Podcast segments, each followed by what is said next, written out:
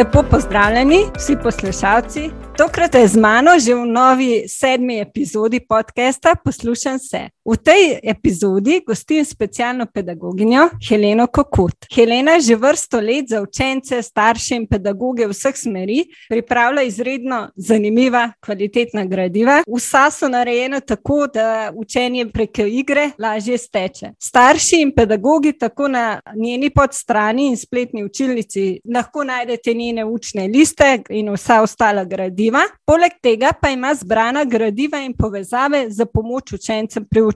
Zelo sem vesela in počaščena, da se je odzvala po vabilu in da je današnja gostja, saj njena gradiva uporabljam že vrsto let. Heleno pa lahko spremljate tudi na Instagram profilu Helena Kokotka, kjer z vami deli zanimive in koristne trenutke. Helena, lepo pozdravljena. Pozdravljeni. Pozdravljena. Ja. Današnja tema pogovora sicer ne bo gradiva, ampak bo mogoče malo mal bolj poletno pobarvana in obarvana. Uh, in sicer bomo govorili o enem zelo zanimivem projektu in sicer. Tačke pomagačke, pa se je na vaši šoli izkazal kot zelo uspešnega in učinkovitega. Kako dolgo na vaši šoli že poteka ta projekt? V bistvu smo začeli sedem let nazaj. Ko bom rekla, To je v bistvu prva anekdota, tako bom rekla. Zato, ker sedem let nazaj, ko je bil moj sin v drugem razredu, sem ga peljala v knjižnico, ker je bil knjižni mol. In v knjižnici je bil velik plakat, da se lahko prijaviš na branje s psom. Zanimivo. Ja, pri njem je bila ta razlika, da zelo rad je bral in strašno se je bal psov. Mi vsi smo veliki valoljubci in pasje ljubci. No, on je imel eno nesrečno prigodo, še ko je bil v vzičku in od takrat se je bal psov. In potem sem jaz to nekako, o, no, branje z kuški, pa v knjižnici, pa še tisti knjižničar, ki mu je bil zelo ljub, je tako, ja, le se lahko prijaviš, pa prideš, pa tam pride kuža, pa z njim sediš, pa ga božaš, pa bereš pa je on bil tako um, pač malo skeptičen. Pa smo pa rekli, da če lahko te dava na seznam, te prijaviva, ne, in ko boš na vrsti, še vedno lahko rečeš ne. No, in pol je tisti čas prišel, ker je bila že dolga čakalna vrsta. Smo dobili obvestilo, da je na vrsti, in mi dva sva šla, in ja, ja, bo šel, bo šel, in tam čakava pred čitalnico, ki je bila vsa zaroletana. In pride knjižničar in pravi: No, mami gre na kavico, ti greš pa, ti greš pa kar noter in noter te že čaka kuža.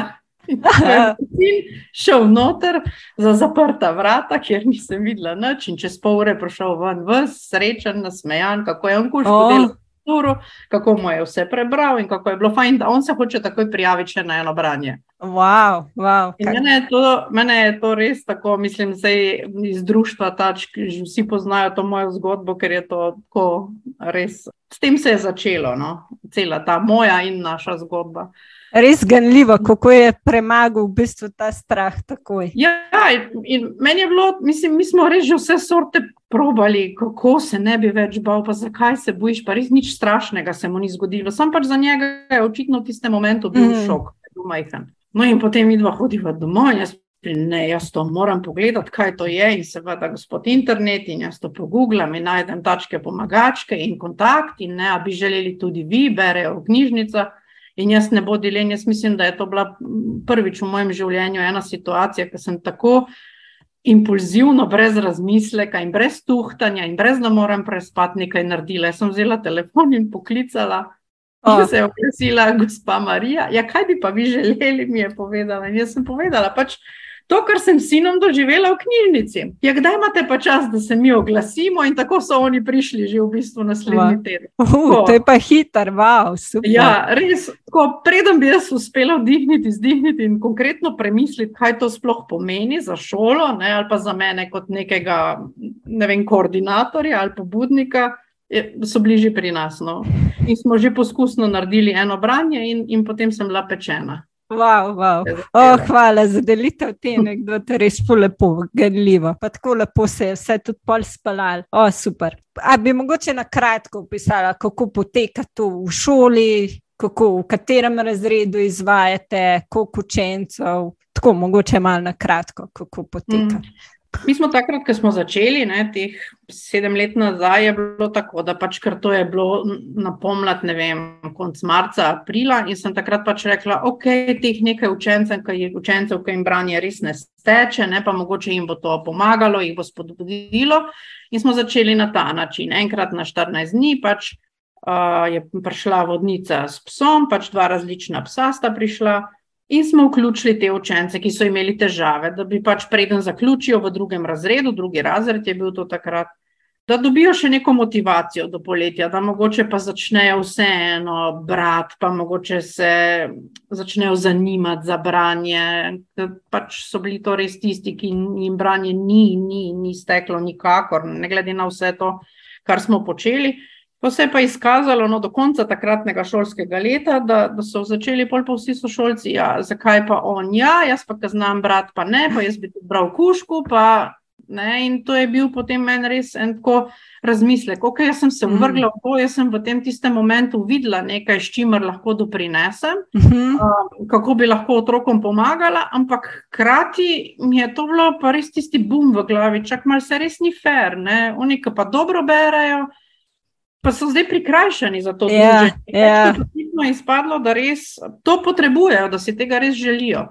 Ko da smo pol naslednje leto tako, jaz sem pač naredila načrt s tačkami, smo se vse, res smo cel načrt naredili, da bomo redno sodelovali. Tu moram reči, da mi je šola tudi tako išla, no? ker so velikrat v društvu vprašali, kako sem pa prepričala vodstvo, ker ponekod pač to še takrat ni bilo niti tako mm. dobrodošlo, ko se jim je kar tako nekaj zdelo. Ne? Tako da jaz moram reči, da sem jaz takrat rekla, kaj sem videla, zdaj da jaz, to, jaz sem to pripravljena uh, voditi, speljati kot nek projekt. Da edino, kar je, oni so v vsakem primeru prostovoljci, edini strošek je za ustanovo so potni stroški. To bi pač šola morala pokriti, to je bila edina taka ovira, rečemo. Jaz sem takrat šla v vodstvo in sem pač povedala, ne, da to bi mi, vem, enkrat na 14 dni in da to pač pride ta kilometrina. Načeloma sta obe gospe takrat bili iz bližnje okolice Ljubljane, tudi ni bil tak strošek. In jaz res navratno, no se pravim, to je bila moja prva impulzivna zgodba. No. Ste bili pa ena prvih šola, sploh prva šola, ki ste začeli? Ja, zelo zgodaj. Ja, mm -hmm. Je bilo dosti malo takrat. No. Zelo ljubljeni, ne, nočem trditi, ampak vem, da takrat mm. je bilo tako redkost. In jaz sem rekla, če pač ni denarja, pa bom jaz tole krila te potne stroške. Oh, hvala Bogu, nikoli ni bil problem, res sta bila oba in ravnatelj in pomočnica tako je za in ja, seveda, dajmo. In smo dejansko tako začeli, pol prvo leto, res čist na črno, projektno, ni bilo več nič impulzivno v drugem razredu. Pa če sem rekla, začeli bi z drugim, z drugim razredom, ker takrat se res to bralno opismenjevanje mm. načrtno začne v redni osnovni šoli. In se mi je zdelo, da tu lahko naredimo največji doprinos tako v tem učnem delu, pa potem hkrati tudi z motivacijo, ne pa z neko dobro voljo. Tako da sem jaz pol zastavila tako, da so od začetka brali, so imeli to branje s kuškom učenci, ki so že dobro brali na začetku drugega razreda. Tako da smo v bistvu tako kot pod neki lestvici, rečemo, no, v narekovajih, šli navzdol od tistih najboljših bralcev, potem postopoma. Do tistih, ki še niso brali, oziroma so slabše brali. No. Zdaj, ki je bilo to na 14 dni, smo nekako speljali tako do konca šolskega leta, oziroma da smo naredili možnost, da je tisti, ki je res, če je imel kakšne strahove ali pa da, da je res bil otrok, je primankljaj, da je imel možnost še kadar brati, ne samo enkrat. No. Ha, da je imel več možnosti. Ja, ja, da je bilo tako res, da se je sprostil, da je imel priložnost na glas mm. brati s puškom večkrat, da smo res kot terapevtsko uro naredili. Ne. Zdaj, poleg tega sem jaz začela upeljevati postopno tudi neke razredne delavnice, zdaj ne vem, koliko ima smisla. To je res cel projekt. Mhm. Meni se zdi vseeno fajn tako cel paket povedati, pa predstaviti, zato ker potem, ko me kašne kličejo, ko se želijo lotiti, pa jih recimo iz društva ali pa iz mreže šolski pes naslovijo tudi name, po neke izkušnje, polkar želijo celo zgodbo slišati. Ja, ja, super, super, kar nadaljuj tako, ja. Da jaz sem pač od začetka je bilo tako, da smo naredili srečanje tudi v razredu, da smo začeli tako, da, so, da sta ta dva paraterapevtska prišla v razred, da so vsi uče, učenci jih spoznali, da so se predstavili, da, sto, da sta oni dve tudi povedali, vem, kdo sta ta dva kuška, kakšne so njune lasnosti, kad, kakšne šole ima ta upravljanje. Eden je takrat bil še reševalec kuža.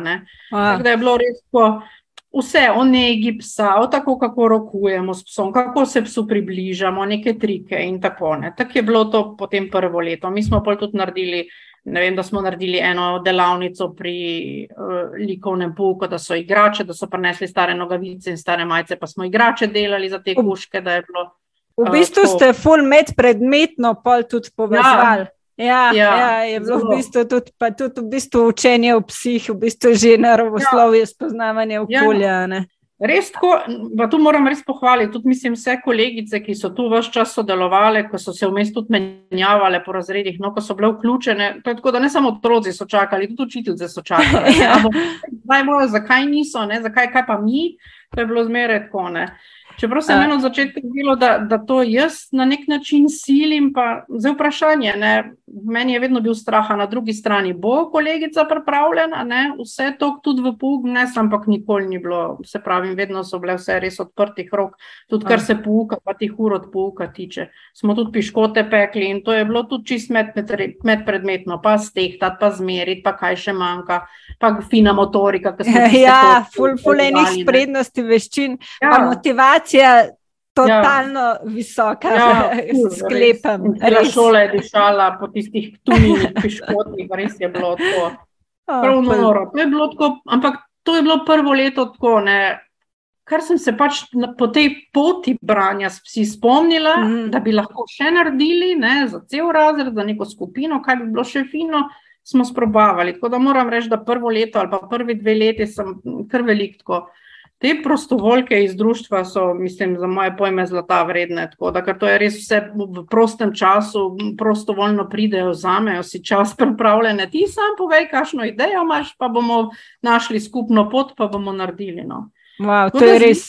Potem, ja, res, tako moj poklon, absolutno. Imate isti, eh, eno mogoče umestno vprašanje, imate isti terapevtski par ali ste, je se izmenil? Od začetka smo imeli uh, tale diva, z gospod Slavico je vse čas. Gospa Slavica Markun je tudi predsednica društva. Uh, čas, tak, da, z njo smo res vse čas, to je diva, je že tako kot moja, pa gospa Slavica tudi. Imeli smo pa od začetka še eno drugo psičko, ki je pa lasnica, potem vmes žal pač umrla. Uh, uh, tako da smo potem kasneje začeli pa sodelovati še z Olijem in z, z Janom. No. In z njimi zdaj sodelujemo že veliko, no. po mojem, je pa to zdaj že tudi pet let. Wow, wow. Tako da zdaj je to stalnica, ne? in zdaj sta dva in oli sta naša, in, in to je to. No. Tudi otroci točno vejo, tako da je. In, zdaj ste in v bistvu res že super upeljani vsi. Ja, ja. ja. Jaz točno vem, kaj lahko pričakujem, ker poznam in vodnici, in oba psa. Oni vejo, kaj jaz delam in se res lahne. Jaz rečem, o, veš, kaj imam to idejo, ja, veš, pa jaz imam to. Ne, in se pol nekje na pol poti srečamo in lahko naredimo res pol dobre ure, ne samo bralne ure, tudi terapevtske ure. Wow. Zdaj, drugače je pa tako, cel sistem pri nas tega branja, zdaj pa res že upeljano, zdaj pa ne več neki, niti ne improviziramo ker res naredimo. Tako konec prvega razreda naredimo že v prvem razredu, vedno s prvočki, skupinsko srečanje. Za oba oddelka, in tam potem pripelje ta diva in oli še cel kup svojih prijateljev, ker pridejo tudi ti pripravniški pari. A. Imamo tudi tako 5 do 7 parov, naredimo wow. prvi. Ja. In potem se res tako vsak par posebej predstavi, ne povejo pasmo psa, lasnosti psa. Tako kot sem rekla na začetku, da so. No, tako oni vsi naredijo, potem kakšne te, kakšne posebnosti imajo, kakšne službe upravljajo, kaj so že delali, kje vse delajo. Tako se skupinsko predstavijo, potem pokažejo tudi nego psa, kako se psu zobe umiva, kako se mu srce posluša, nohte striže, kako se ga počeše. Potem se pa še skupaj naučijo z otroki, ne, kako zdaj rokovati psom in kaj narediti, če na ulici pač srečaš neznanega psa, oziroma če te pes napade, če teče proti hmm. tebi. Tako da pač vsi ti vodniki s temi psi potem tudi naučijo jih tale položaj želve, kako se morajo postaviti, tako da res. Prakso naredijo, uh, oh. cel proces grejo. Ja, skozi, no? ja, zelo obsežno, pa tako, wow, ja, zelo poučno. Ja. Ja. Res tako življensko. To, to imamo zdaj že res prav tako tradicionalno in je res je v redu. No? Tako da že starši, veliko staršev, že tako opisuje, pa imajo starejše otroke, a imate še vedno pse, da vprašajo na, opisu, ne, ker jih zanima. Po pa tako naredijo ne, po postajah, vsi ti psi, ko pač pridejo na tisto predstavitev in potem otroci v skupincah pa grejo od psa do psa, od postaje do postaje in potem ga lahko ne vem, ali češejo, ali kakšen trik z njim naredijo, poskusijo zobke umiti, mu vodo pripravijo. En, eno tako rokovanje splošno s psi, da tudi malo se navadijo, sprejmejo in poslovimo se potem v tem duhu, da jeseni, ko pridejo v drugi razred, bojo pa pač z divo in z oljem, ki sta vedno tudi tam, ne, brali. In s tem branjem smo zdaj prišli tako daleč, da nimamo več na 14 dni, da imamo vsak teden, kar je meni oh. full fine, res tako, da so pač tisti dnevi, jaz si naredim tako urnik, da imam v mestu luknjo, tisti dve uri, ki je rezervirano za branje. Tako da takrat, ko branje poteka, naredimo tudi skupaj z učiteljico seznam, to še zmeraj začnemo. No, to je res tako zastavljeno, da tisti, ki že res dobro berejo samostojno, mm -hmm. da tisti začnejo, da ni takoj nek strah, ne, da oni grejo, pokažejo in da potem tudi motivirajo sošolce, ki pridejo nazaj v razred. Mislim, se ne da bi jih rabili motivirati, ampak ker si tam. Ja, ja, ja. Sam je en tak feedback. No.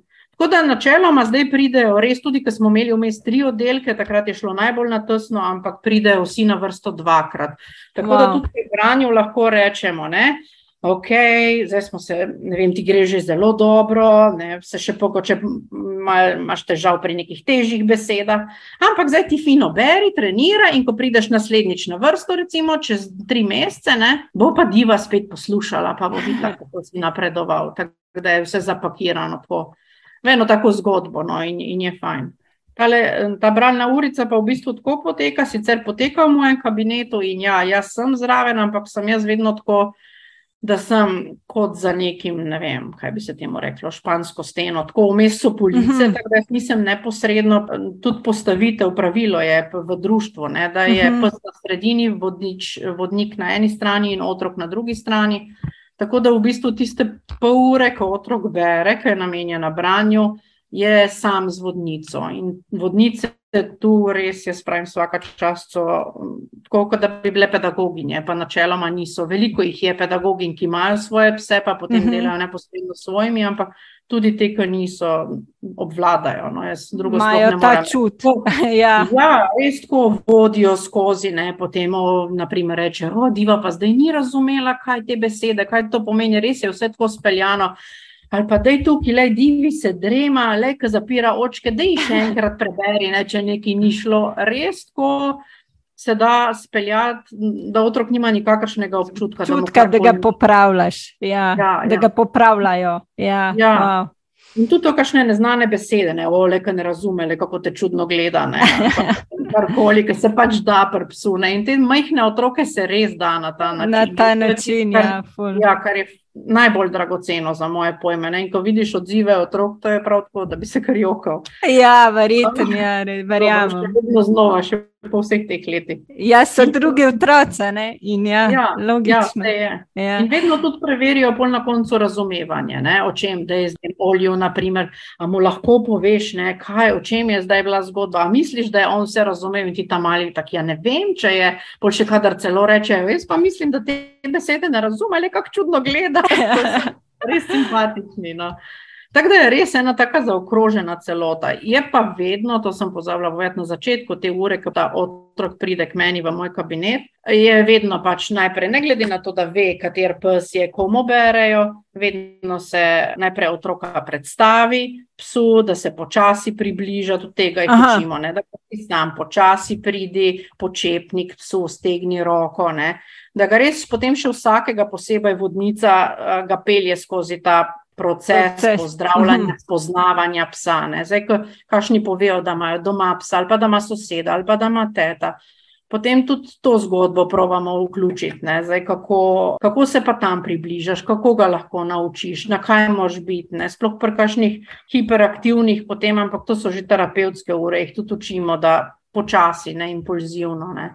In šele potem, ko naredijo par trikov, ko, vem, ko probajo sami, kak trik narediti, potem pa jaz zdaj gremo pa brat. Tako da je oh. to res tako ena zaključena ura in potem na koncu, želiš še kak trikec narediti, ga naredi, če hoče, potem dobiš še kazalko ko imajo oni te svoje kazalke, Ja, ki je kuža, na fotografiji, Aha. štempilko na roko, da je bral psu in, in gre nazaj v razred. E, ja, wow, wow, full dobro. To, to, je, to je paket branja.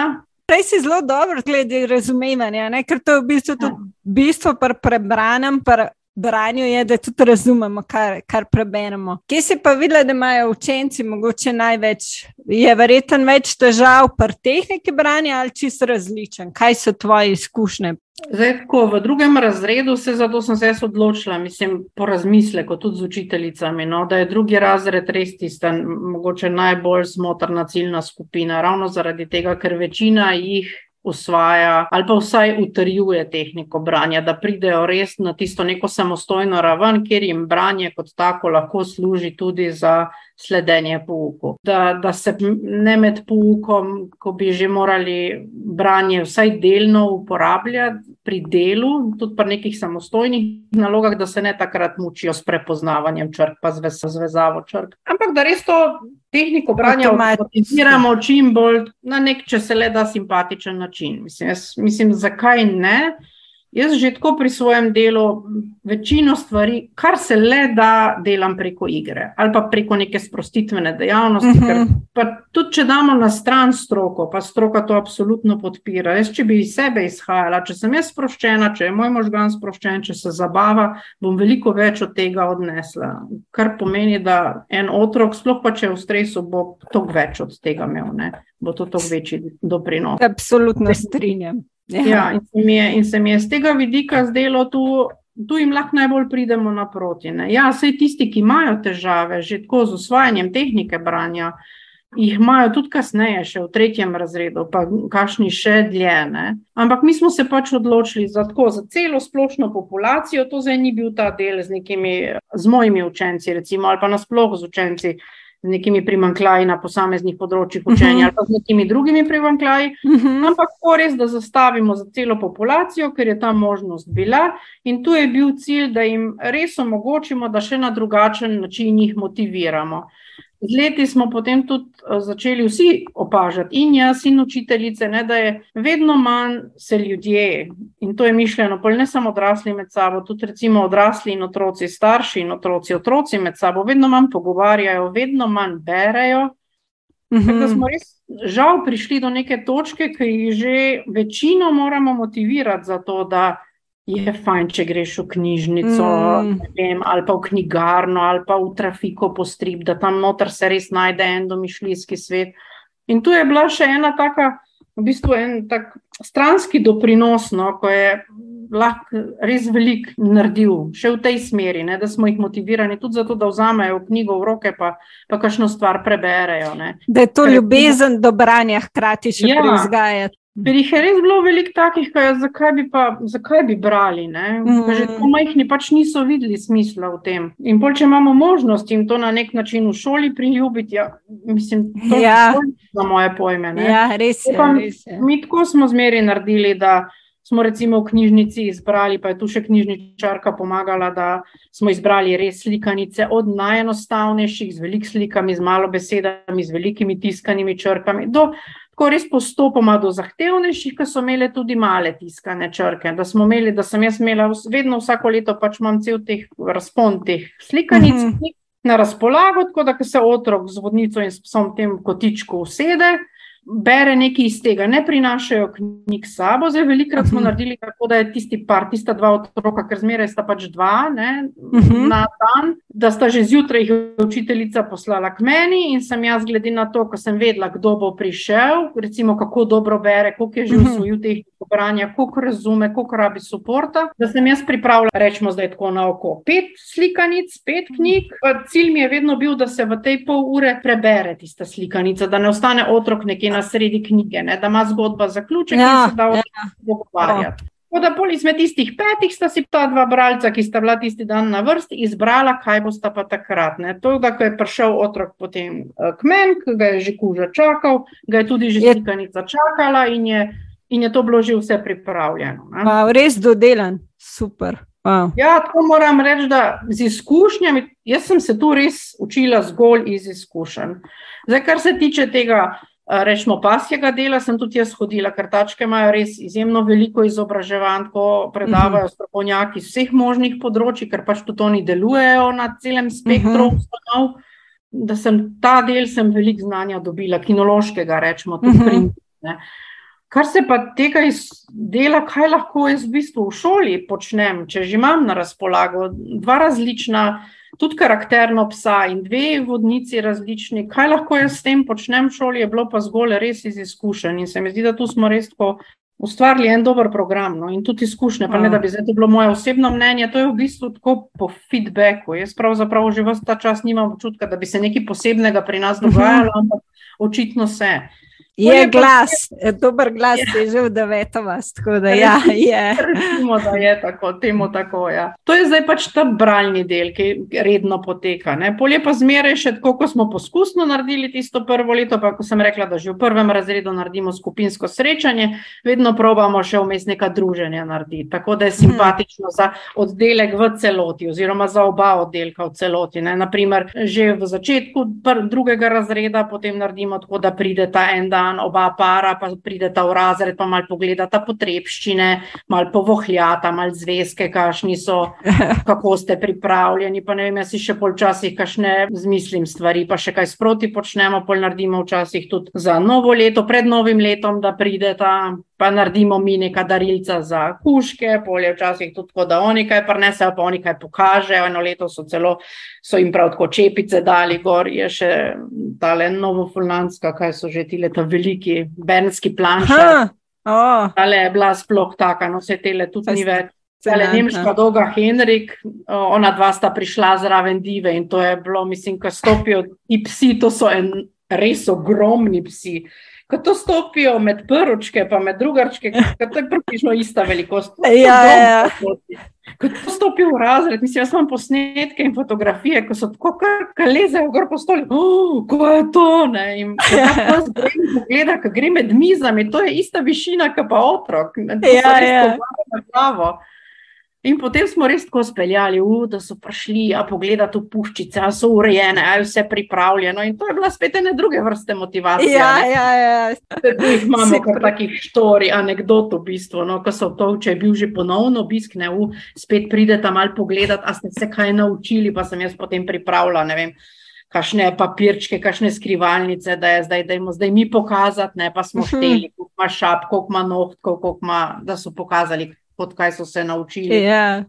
In potem je bilo tako, ko so že vedeli, ne, da bo puščice pregledoval, to so bile barvice. To je tudi odmeri rekla, to so še tik pred zdajci, če kaj ni bilo učinjeno. Je bilo treba. Ja, takrat, je bilo takrat, ja, ja si predstavljam. Barvice ja. v, v, v maurici zložene, vedno vseeno te puščice, res.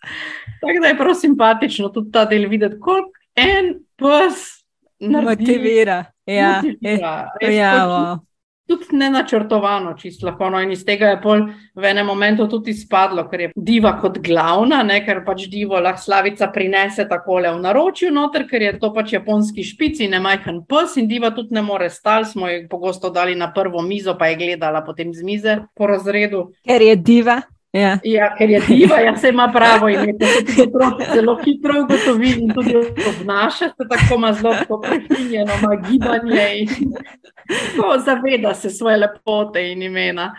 In je čistko v hecu je prišlo enkrat, ker pač jaz stopim naprej, jaz sem vam pa nekoga pripeljala ne, in potem za mano slavica zdiva v naročju. In potem še ona napoveduje, ampak jaz imam še nekoga in učiteljica, potem čisto spontano. Jo, ja, diva je pa kaj ena tajnica in ona vam je pripeljala inšpektorja. In potem je prišla ta nemška doga ne, in ta inšpektor Henrik. To je ostalo pri nas prav legenda. Ne. Mi imamo tajnico, ki pripelje inšpektorja Henrika. In to so potem prihajale zgodbe še od staršev, da so to učiteljico starši prišli spraševati, a res dobite inšpekcijo? inšpekcija. Rekli otroci, da Henrik je inšpektor, je bilo ime, kaj imate pa za eno inšpekcijo. Lušno, ja. lušno, lepo, res, zabavno. Res ja, in po je takrat še moja hčika, je bila v osnovni šoli, še napisala na ta račun eno pesmico. In to wow. je takrat rekla, to je himna, to je zdaj naša himna in mi to imamo in, in to je tono. Tako da je tudi ta spremljevalni program lahko v bistvu v nekih momentih zmeraj, ne samo v nekih momentih, lahko prinese res, res veliko. No. Lahko je čisto spontano, lahko je pa popolnoma načrtovano in, in dosežeš tudi tiste neke cilje, lahko jih zapakiraš tudi v učno vzgojni proces, če hočeš, vse se da, če, če hočeš. No. Kjer je volja, je pot ali kako že ne. Wow, wow. Sliši se res tako. Po eni strani zelo sprostitveno, po drugi strani se pa sliši, da imate res zelo dodelan, da je zelo vse tako premišljen, načrtovan. Ja. Se vidi, da ste res usklajena ekipa in ja. da imate res za sabo ja. že toliko let izkušenj. Ja. Ja. Pravzaprav drugače ne gre, ne? ker oni so prostovoljci, ki prihajajo, ampak ne prihajajo samo k nam, oni hodijo še v druge mhm. ustanove. Uh -huh. Urnik mora biti začrtan na začetku leta. Mi moramo vedeti, jaz moram svoj urnik uskladiti z urnikom razredov, z dejavnostmi, ki potekajo v razredu. Ne, res je tu enega usklajevanja, ko se vse sliši fino in fajn, ampak ko pod črto potegneš na konc leta, je, je kar velik dela za tem. Ne? Ja, to pa, to pa verjamem. Je, je slišati tako, ja, ja velik. V bistvu že načrtovanja že naprej. Pa tako, kot si mhm. rekla, ne, že pri izbiri knjigic, pa vse to moraš, mhm. v bistvu potrebuješ tudi ti zelo dobro poznati in bralne sposobnosti vseh učencev in se dobro tudi z učiteljco sklevati. Tako da ja, vse to zahteva veliko komunikacije med vsemi člani. Ja. Ti tudi praviš, kar si že prej omenila, da izdeluješ prav posebne pripomočke kako mogoče to zgleda, bi na kratko opisala, oziroma nekaj jih imaš vidnih tudi na spletni strani. Mislim, začelo se je tako, kot pa vse drugo v pasji zgodbi, čisto spontano. Več, ki so nastajale fotografije iz teh dogodkov, pa seveda z dovoljenjem staršev smo iz teh. Fotografij, čist za uporabo v razredu, mhm. naredila neke materijale, ne, da je bilo tako kot neke kartice, ne vem, vidnega spomina, razumevanja dogajanja, na neke neverbalne komunikacije, prepoznavanja, kaj se dogaja na sliki. Jaz pač zmeraj neke te naše specialno-pedagoške cilje moram noter zapakirati, mimo tega ne morem, žal. No. Imamo v krvi. To so, ja, to so bile prve take stvari, no, da sem pač tiste fotografije, in na drugi strani so bila pa vprašanja. Vem, čistko, najprej je bilo ne vem, koliko otrok, različnega spektra, od opazovanja sličic do kaj misliš, da se je dogajalo, kdo je v zadju, kakšne pasme je koža. Res tako od preprostih opazovalnih do takih, kaj je že bilo treba malo razmisliti. In to smo pol uporabljali čistko, sam za igro ali pa tako, ne vem, opazuj 10-30 sekund, zapomni si čim več stvari, pa potem obrni. In je spet bilo neko branje z razumevanjem na nek način, ne? ker je bilo treba vprašanje prebrati, ga razumeti in potem še pač osmisliti nek odgovor. Poleg tega tudi, seveda, izražanje v zaključenih povedih, ker to pač pri meni zmeraj sodi v ta paket. Zdaj, če se že trudimo, da v tej smeri nekaj delamo, ne bomo z eno besedo odgovarjali, zato imamo druge igre. Če imamo pa vprašanja, pa da imamo potem tudi ne odgovoriti. Ja, odgovorimo pač na tak način. S tem se je začelo, pa, pa pač ne, kar ne bi bila jaz, če si ne bi stvari zakomplicirala, sem ugotovila, da lahko naredim še za druga področja. In tako se je bolj to širilo na pozornost, na čustva, na matematiko, In to pa uporabljajo tako v razredu, ali tudi, mislim, pri tebi in v razredu. Ja, zdaj v razredu je potem to čisto odločitev učiteljice. Uh mhm. -huh. da, jaz, absolutno na teh mojih urah, ne, tudi mi, kadar da, tudi recimo vodnice, ki delajo s temi psi, uporabljajo potem, no, uh -huh. kar, kar smo povezani v mreži šolski pes, ki so različna društva noter. Ampak uh -huh. smo mhm. pač noter učlanjeni tisti, ki delamo izključno po osnovnih šolah, tako da imamo neka sorodna. Oh lahko se izmenjujemo ne, in materijale uh mhm. -huh. in mnenja. In se oni imajo tudi spletno stran, da če koga zanima, lahko tudi tam pogleda, katere šole vse so vključene. Tako da tam si potem tudi delimo. Tako da uporabljajo tudi druge vodnice in drugi kolegi, ki delajo po šolah s psine. To je stvar vsakega posameznika, ali zdaj to stvar uporabi pri delu, v razredu, individualno, v skupini, vem, pri delu s psi tudi izven. Zdaj, pri meni je absolutno to ni vezano samo takrat, ko pride kuža, ampak so vsi ti materiali vedno na voljo. Marsikomu je veliko bolj simpatično, kot je nekaj, ko so gor kuški. Ne? Upa bom računal s kuški, pa pač se stavlja pa računa tam, kjer so kuški na sliki, ne? ali pa ne vem, kjer ki imam tudi te kocke, ki so kosti gor, pa enim je to bolj simpatično, pa da bi štel, ne vem, z gumbki ali pa številkami ali pa z navadnimi pikami na kocki. Zakaj pa ne? Če je možnost, zakaj ne bi ponudili? Ne? glede na to, da poznam in uporabljam tvoja gradiva, ne dvomim, da so res ta zelo fina in uporabna. Ja. Me zanima, ja, z veseljem. Me zanima, glede branja. Eh, mogoče edin še, kar si rekla na začetku, pa imajo pač srečanje otroci, uh mhm. -huh. recimo. Tem par, pa potem, reč, čez tri mesece, spet pride isti par uh -huh. na mhm. vrsto, če sem te prav razumela. Ja. Uh, ja. Kako pa potem preveriš branje napredek, oziroma ali preverjate, pa na kakšen način, pa kako se je to prvo v praksi izkazalo? Zdaj, da bi preverjali, da bi tako lahko čist dali enačaj, ne? da zdaj zato, ker je otrok bral s psom, zato, izključno zato bo on motiviran in izključno zato bo vadil in izključno zato bo čez tri mesece boljši bralec. Tega si nihče od nas, to smo imeli tudi na, na mreži debato pred leti, na enem mednarodnem mm. srečanju. Si, jaz si absolutno niti predtem ne bi upala trditi. Zato, ker v življenju enega otroka je toliko enih faktorjev, ki vplivajo na to, ali bo on bral, koliko bo bral, kako bo bral, kdo ga bo pri tem spodbujal, vem, kdo ga bo usmerjal, kdo bo preverjal ali razume mislim, kako se otrok razvija, sploh kako dozoreva, mm. ali mu je pouk zanimiv, ali mu je to sploh zanimivo, da, da se mora lotiti. Tako da, da bi rekla, da izključno to, in da zdaj bom pa čez tri mesece preverila, zato ker ti boš spet bral z divo, uh, in zdaj zato, ker je divo. Ja. Ne. To je, Sicer po svetu so delali preiskave in to v državah, ki so pač številčnejše, mnogo, mnogo številčnejše mhm. kot smo mi, in si recimo tudi lahko privoščijo take preiskave, raziskave, ko vključijo več teh društev, ko je več članov in je, imajo že populacijo otrok toliko večjo, da dejansko so tudi neke raziskave, ki so jim po krvi, prav, kot rečemo, hormone srečene in kaj se dogaja kaj se sprošča v krvi, kaj je prisoten kuža, potem oh. tudi ta daljnoročni učinek. Ne. Tam si potem že recimo, da upaš nekaj trditi, da bi si pa pri nas to upala trditi, pa ne. Ja, ja, ja. se mi razumljivo. Ne, strokovne plati, z nobene plati se mi to ne zdi, mm. da bi lahko to utemeljila. Je pa res, da mi, zato sem rekla, začnemo z najboljšimi, ker mi že izven tega, že prej, preden smo sploh začeli brati skuški, pomagava obe specialni pedagoginji učiteljicam, da preverjamo otroke pri napredku tehniki branja, torej z enominutnim testom glasnega branja.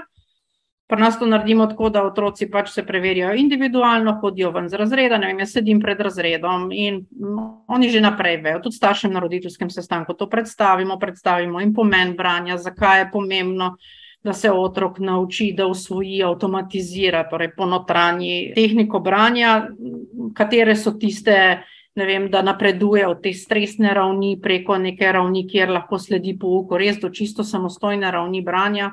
Tudi jim predstavimo raziskave, ki so v slovenskem prostoru narejene na to temo in jih lahko tudi starši pogledajo, ja. kar je tudi za njih v redu, ne? da ni zato kar nekaj, kar smo si mi izmislili in to tako je. Jaz mislim, da tu imamo pa zdaj že kar srečo, da imamo tudi kar že nekaj strokovne podlage, kjer se to da. Ja, ja da je strokovno podprto. Ja. Ja. Tako da mi pač naredimo na ta način no in potem tudi otrokom to vse predstavimo, da bo vsak pač prišel ven, da bo tam le jaz imam pač pred razredom mizico in sedim in jaz še tako zmeri naredim, da pač dam nekaj enega izmed teh mojih učnih listov, ki so na neko zabavno ali pa miselno učenje, da potem potem, ko konča, da ima to za domov ali pa za podaljšano bivanje. Tudi vsak dobi te posti listke natisnem, tako da je gor ali deček ali deklica in ima v oblačku, mislim, te oblački za stripe, ko so tam, kjer pove, pove, danes sem prebral toliko, ne vem, 26 besed, oh, oblaček je za razmišljanje, si pa zastavimo vedno ciljne. To tako oh, otrok wow. prebere, le danes si toliko, kaj misliš, koliko bi pa ti zdaj, če mi čez dva meseca spet preverjamo, kaj misliš, koliko ti lahko, če vsak dan treniraš, koliko lahko oh. pa naslednjič. Pa ponavadi kar izstrelijo pol eno številko, ne? za zanimivo je, kaj oni kar si dajo ful večjo številko. Tako da jaz pol sploh v drugem razredu, da je v enih deset besed, recimo deset več ali pa zaokroženo na neko zelo, uh -huh. to bi pa bilo. In oni si dejansko zapomnijo, pol naslednjič povejo, ja, to sem si dal za cilj, ne, wow, ja, doma wow. sem probal, doma mi rata in jaz mislim, da tu je, velikrat imamo tako en strah, je, zakaj jih je zdaj treba meriti. Ampak po drugi strani je ravno to, ko imamo zdaj mi neko normo ne? in ko jih mi merimo tisto eno minuto, vse jih merimo eno minuto, vsi imajo isto možnost, vsi pridejo in vsakim najprej malo poklepetaš, da se sprosti. Tudi za učitelja je potem nek feedback. Ne? V tolikem času je ta prebral toliko besed, pravilno, tisti toliko, in lahko učitelj potem tudi znotraj pouka diferencira in da pač otroku, ki slabše bere, neko besedilo, ki je primerno njegovi, da Tako. ni izpostavljen stresu v razredu. Ne? Hkrati pa je lahko tisti, ki obvlada že, mislim, kar roko na srce, eni tako, če berejo, že ki pridejo v šolo. Zakaj bi potem tisti stagniral ali pa celo nazadoval, če mu lahko učitelj da pa dodatno vlogo, ne? bo prebral navodila, bo bral več stvari. In to je tisto, kar jaz mislim, da nam eno tako preverjanje branja, tako strokovno spremljanje, lahko da velik doprinos tudi znotraj pouka. Ne, ne sem da da povratno informacijo otroku in staršu. Tako. Ja, pa, jaz tudi mere nekaj in te listke dam, ker je postit listek, zato mi je fajn, ker se na eni strani lepi in tudi zmeraj zrolamo in vedno jim povem, to je samo zate in tvoje starše, sošolcem pokažeš samo, če želiš. Niti treba pokazati nikomor, ne učiteljici, ne sošolcem, da si v torbico, pokaži, to je zate, to je samo tvoje. Res na lep način to izvedete. No? Pa tako res tudi to prenos za otroka, da si potem postal cilj. Ja, in to možnost so odločanja, hkrati da. Ja, kar, ja. Jaz, ko jih vidim, ko so tisti kar presenečeni, nekateri, aha, kako pa pol razmišlja in načrtuje, del potem učenja nekih življenjskih spretnosti. Ne? Ja, zelo pomemben v bistvu. Ja. Ja, ja. Hkrati na drugi strani imamo pa mi točno potem dodelano, ne? kako je kdo napredoval. Jaz pač iz tega potem res naredim pač statistično obdelan, tako da imajo tudi. Wow. Ame in za učiteljice, da imamo tudi, pa tudi za starše, seveda, če želijo, mhm. brez imen, potem, da je tudi grafično prikazano, da se točno vidi, kje v razredu je otrok, kaj je zdaj tisto povprečje razreda, kaj je slovensko povprečje. Vseeno je včasih fajn, pa ne gre se zdaj to res ne za nobeno tekmovanje, ampak fajn je in to jaz tudi staršem zmeraj položim na srce. No. Da šele takrat, ko bo otrok se ne bo več zavestno ukvarjal z tehniko branja, s prepoznavanjem, ločevanjem. Šele takrat bo lahko začel uživati v branju, in šele takrat se bo lahko ukvarjal s vsebino. Navadi potem res razumejo. Ne. Drugače je samo mučenje in res, kdo bo bral, kdo bo izpolnjeval koledarček. Ja, še to je. No. Jaz jim tudi naredim zmeraj bralni koledar, tako da je narejen za vsak mesec in tam to potem učiteljice tudi vodijo, ne, da prinesejo, da si naredijo kljubco, zvezdico, sončka, karkoli. Pa se jaz potem tudi zmeraj navezujem na to, ne, a ti uspe, koliko ti uspe, kdaj ti ne uspe. Tako da je res tako vse sistematično povezano.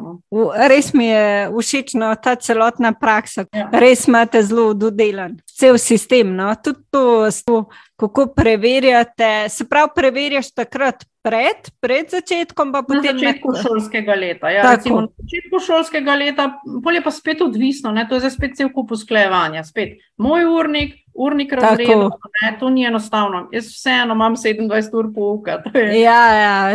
Klikne in tu noter zdaj da dve uri, da bom uh, branje v enem v drugem razredu, ker recimo to branje, potem ocenjevanje branja na ta način peljemo v drugem, tretjem in četrtem razredu. In zdaj optimalno je, da to naredimo v septembra ali pa začetek oktobra in vsaj na koncu šolskega leta. Zdaj, v drugem razredu bi bilo optimalno narediti še vmes na sredini, da imamo še tisto neko zimsko fazo, ne? koliko napredujejo, ker oni vseeno so v tistem obdobju, ko intenzivno usvajajo tehniko branja. In zaradi tega je tudi tisto umestno obdobje zelo pomemben pokazatelj, potem, kako napredujejo. In potem točno vidiš, ne? da spodbujaš, koga moraš bolj spodbujati. Komu moraš dati vem, več feedbacka, kje moraš komunicirati, če starši. Tudi, recimo, kakšnemu razložiti, kakšni zelo dobro in tudi zelo hitro berejo. Ne? Joj, drugič bom pa ne vem, 150, 200, res imela.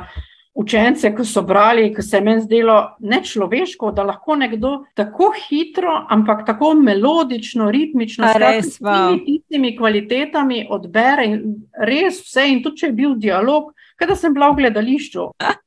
Ja, in tu jaz potem otrokom tudi vedno razložim, ne, da je zelo odvisno, tudi nekateri hitreje govorimo, nekateri govorimo počasneje tudi govorila, ne vem, karakter, vse sorte vpliva. Vpliva, ja, ja. ja. In bistveno je, da pač ne zdaj s pomočjo učiteljice ali pa mene prepoznamo, kje je pa zdaj, dokje pa ti lahko greš. In jaz jim zmeraj rečem, le jaz ocenjujem, da ti pa lahko še, mal, še malo bolje bereš, ne bi šlo še mal stisniti. In tako, če jim damo eno to moč, ne, da jim rečemo, le jaz to te pa zdaj že poznam, pa ker jih res poznam, ker sem veliko razredih lahko rečem, le jaz verjamem, da zmoreš, in potem tudi oni verjamejo, da zmorejo. Ja, to je um. pigmelion efekt. Ja, res lepo, lepo. Pa si v bistvu res ugotovili, da je drug razred prima za, za, to, za ta trening. Ja, ja. Nam se je res tudi pokazalo, potem, ko sem iz golih predvidevanj šla, se mi je res pokazalo, da to je idealno takrat.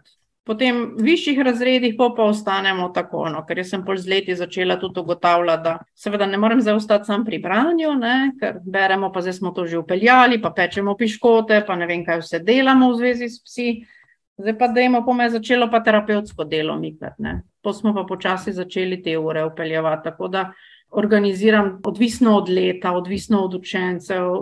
Tudi probam čim več teh terapevtskih ur za otroke, ki jih sama obravnavam, torej za otroke uh -huh. s mhm. primarjaji, kakršnimi koli že. Ne? Tam je pa še več dogovarjanja. No? To je tako res um, spet druga široka tema. To so pa res tako še drugače, spet dragocene ure. Uh mhm. -huh. In tam je treba pa res veliko usklajevanja med mano in med vodnikom in med psom, ker v bistvu moramo celo uro načrtovati obe že vnaprej, ne? da potem speljamo tako, kot je. In te ure imamo pa potem res od 1 do 9. In tudi devetostovci pridejo, jaz bom, ja, no, ni se tale strast ne zmanjša z leti. Ne? Tudi ko psi prihajajo ne, iz parkirišča, ki moramo čez celo šolo k meni priti v drugo nadstropje, to je tako, ker grejo po hodniku, za jo, lahko božam, lahko božam.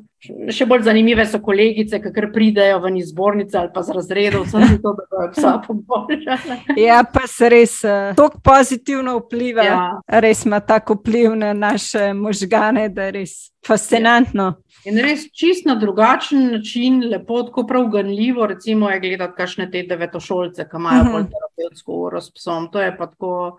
Jaz se kar ježim, tako ganljivo na poseben način. No. Wow.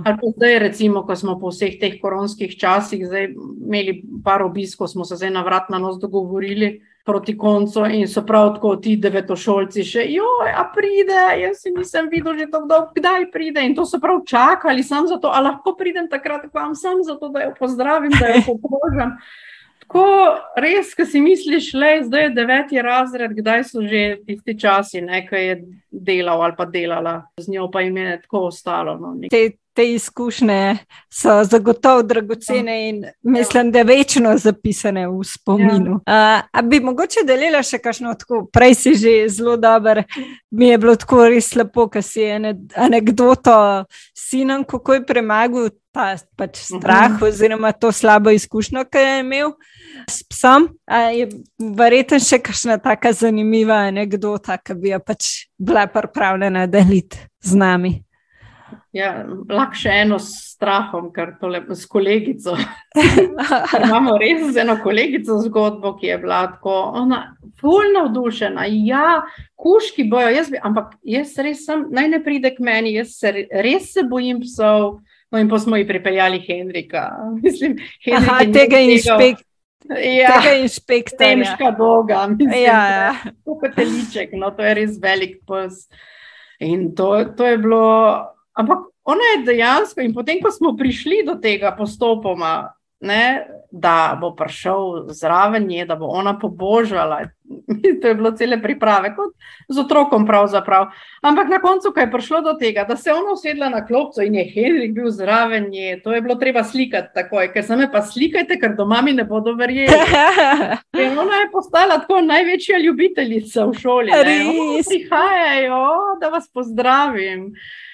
Niso samo otroci tisti, ne, kjer lahko mhm. narediš uh, veliko spremembo pri uh, pr kolegih sedaj. No, vse za nazadnje tudi, ker smo imeli srečanje, ravno imela ta učiteljica, ker smo imeli skupinsko srečanje v razredu in je ravno tisti dan imela rojstni dan, ki smo to naštimali. Oh. Uh, olju, mašno, gor pa ene bombončke za vrat.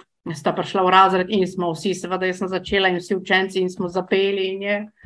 Blatko le, je bilo presenečenje. Ja, verjamem, verjamem, to pa res. Je presenečenje. Ja. Drugače s temi anekdotami, to je tok tega se nabere v sedmih letih, da včasih tako, mislim, zagledaš enega XY psa, pa se ti kar neki, joj, se je res, a se spomniš, ali se ti v sanje prikrade. Tako da res, prav ne vem, prav razmišljala sem zadnjič, kaj bi bilo res takega, da bi, ampak res bi težko izločila. No. Si zapisuješ kaj te anekdote, verjetno niti ni ja, časa, ampak bi verjetno lahko iz tega knjiga izdala. oh, ja. To je ja. moja slepa pega, se zato se smejim, ker jaz ne sam iz pasih anekdot, tudi sicer jaz, ko vsake toliko rečem, jaz bi res morala to beležiti. Ker jaz bi naredila, jaz bi že imela tako zbirko, da bi lahko že telenovelo posnela. Ja, to bi gledano, zagotovo. Ja, zagotovo, zagotovo, res. Ker tega se res nabere, ko z leti. Mislim, da sem že precej let za sabo. No? In je vseh teh zgodb, takih in drugačnih, in anegdot, in žalostnih zgodb, res cel nabor. Ne? Mislim, se tudi takrat, ko pečemo piškote, te otroci to probavajo in to s takim veseljem. Ne? Mislim, vse je polno zrna ta moka in tuna, vse nič takega. Ampak eni so, uf, ne, iu. Če to gledaš, eni z največjim užitkom, tisto gnetejo in potem, jo, jaz to hočem probati, jaz to moram probati. To so, to so zmeraj take štorije. Ja. Lahko še za domov, jaz imam tudi kuška, lahko še za domov.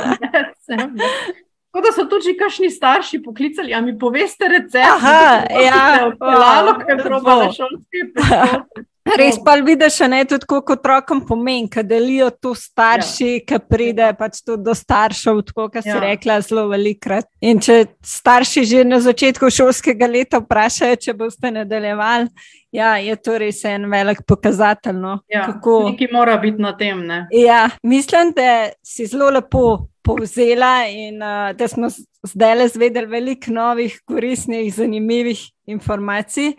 Tudi sama sem se ogromno naučila, hvala. Res je bilo zelo prijetno poslušati, bi, bi te še priznam. Bi mogoče še kaj dodala, kar se ti zdi tako pomembno, oziroma če bi še kaj dodala, kar nismo povedali. Jaz mislim, da sem že res veliko povedala in o otrocih, in o kolegih, in o, in o psih in o vodnikih. Jaz zagotovo sem sama kot oseba, ne samo kot specialna pedagoginja, ogromno od vsega tega odnesla. In če sem čisto odkrita, so tudi mene tako konkretno brcnili iz neke cone obdobja, ki sem počela zaradi psov in s psi stvari, ki jih v življenju sicer ne bi.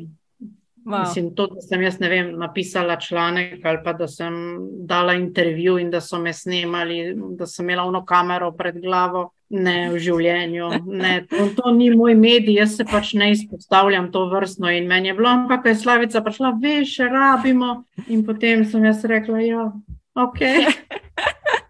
E, tako da je tako en cel paket. No. In jaz sem jim res neznansko hvaležna, da tako lahko počnejo, res prostovoljno, res kapo dol. Jaz ne morem, ne morem povedati, sploh koliko sem hvaležna za njih in za celotno to izkušnjo.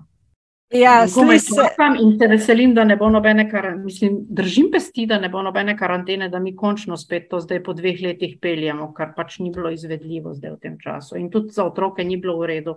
Otroci, ki so zdaj v četrti, peti razred, je to zdaj tako, ja, zakaj pa mi nismo brali, mi pa nismo brali. In... Ja, se strinjam, naj, uh, naj se tvoje besede o tem uresničijo. ja. Najlepša hvala, res še enkrat za sodelovanje. Res sem zelo, zelo vesela in počaščena. Vsem pa hvala, hvala za poslušanje.